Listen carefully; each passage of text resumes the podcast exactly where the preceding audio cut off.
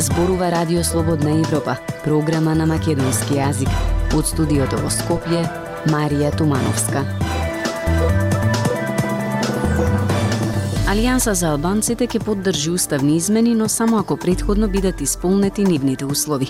Еден од нив е да се избрише терминот 20% за албанците од уставот, вели веде председателот на партијата Арбен Таравари во неделното интервју за нашето радио. Тој демантира дека се сретнал со Али Ахмети и Димитар Ковачевски за евентуални преговори за влез во владата. Затоа пак не ја отфрла можноста за соработка со која било опозициска партија со цел да има ротација на власта. Таравари вели дека Алијанса е подготвена и за предвремени избори и дека на истите таа ќе победи. Во продолжение на емисијата проследете го во целост интервјуто со Арбен Таравари.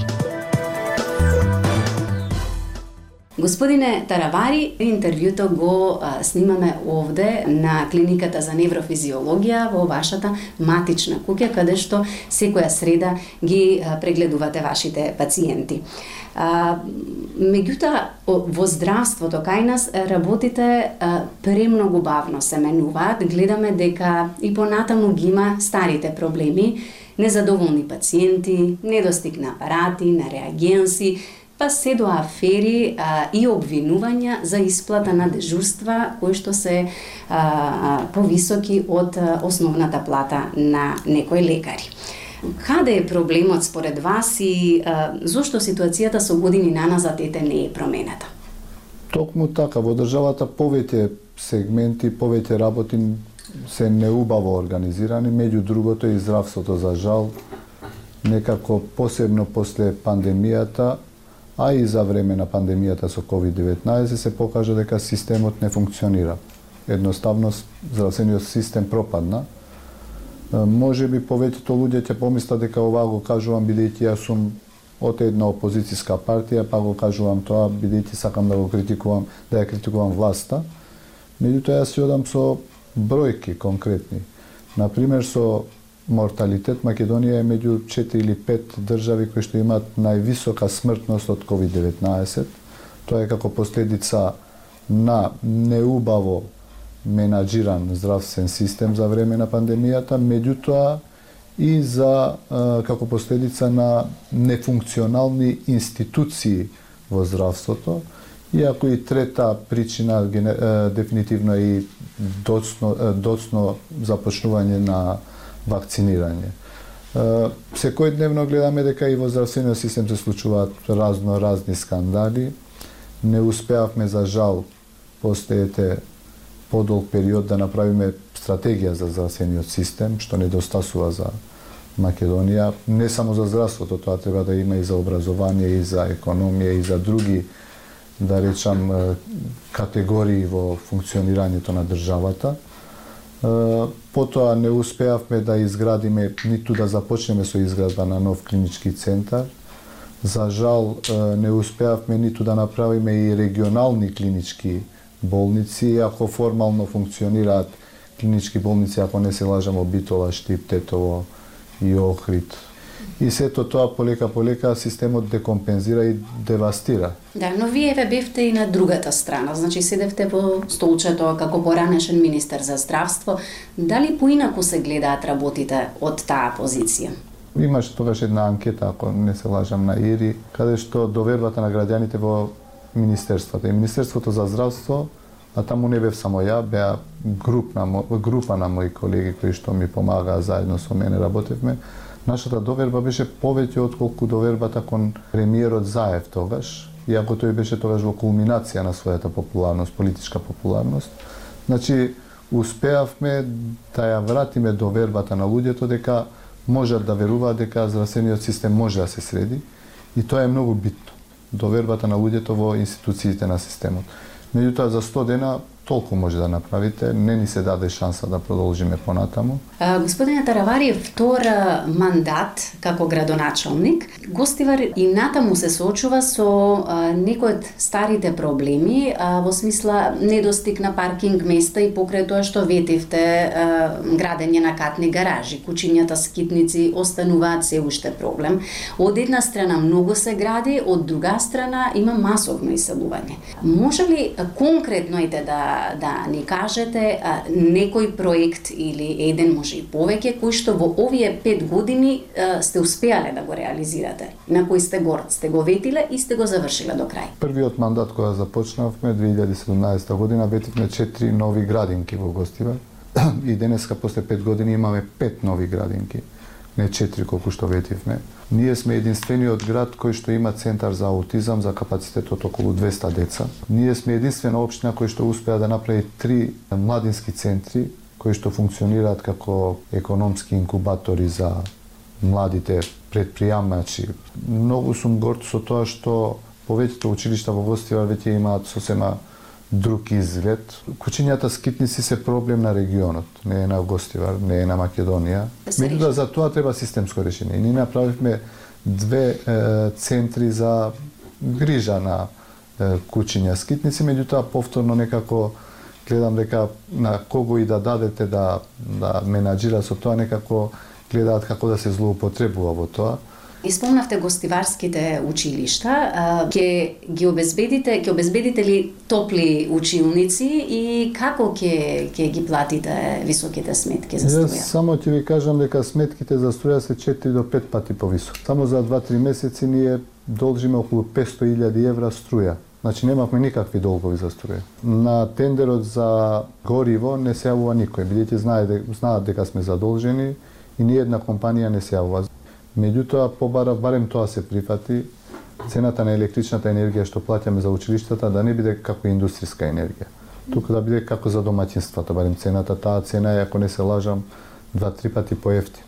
Јас се надевам дека тоа веќе е прифатено, кажаа дека на влада е поминат. А, господине Таравари, од неодамна сте и веде председател на Алијансата на албанците. А, што ново и што поразлично може да се очекува од вас? Политиките во остануваат исти. Меѓутоа, генерално јас очекувам промени во организација на партијата и веќе интензивно, скоро е месец дена од кога сум назначен за ВД председател, се организираме таму кај што ни беа слаби точки, посебно Тетово ни беше слаба точка, да речам, од Чаирскиот огранок и други. Предели имавме одреден број на незадоволни членови кои што некако абстенира или паузира, меѓутоа имаше простор да се разговара со нив и јас се надевам дека веќе 70-80% од тие луѓе се вратени во структурите на партијата, а искрено имаме и огромен број на интелектуалци кои што прв пат се приклучуваат на Алијанса за албанци. Сте за предвремени избори? Ние, секогаш опозицијата е за предвремени избори.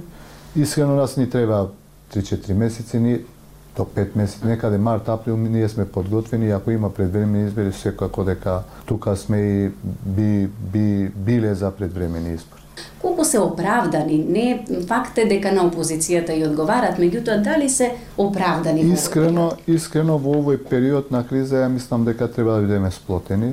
Ја дури пред локалните избори минатата година инсистирав на таа експертска, техничка влада, да има една влада која што ќе биде непартиска туку пошироко од експерти, нормално тие експерти би биле предложени од политичките партии. Експертска влада, како што посакувате, немаме, имаме таква каква што е.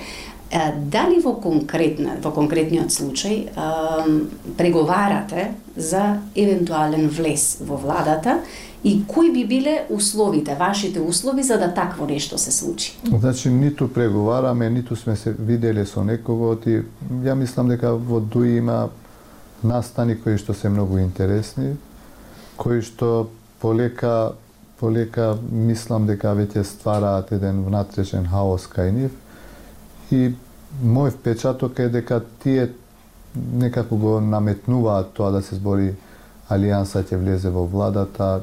Значи нема ниту преговори, ниту сум се видел со господинот Али Ахмети од 2017 година не сум го сретнал.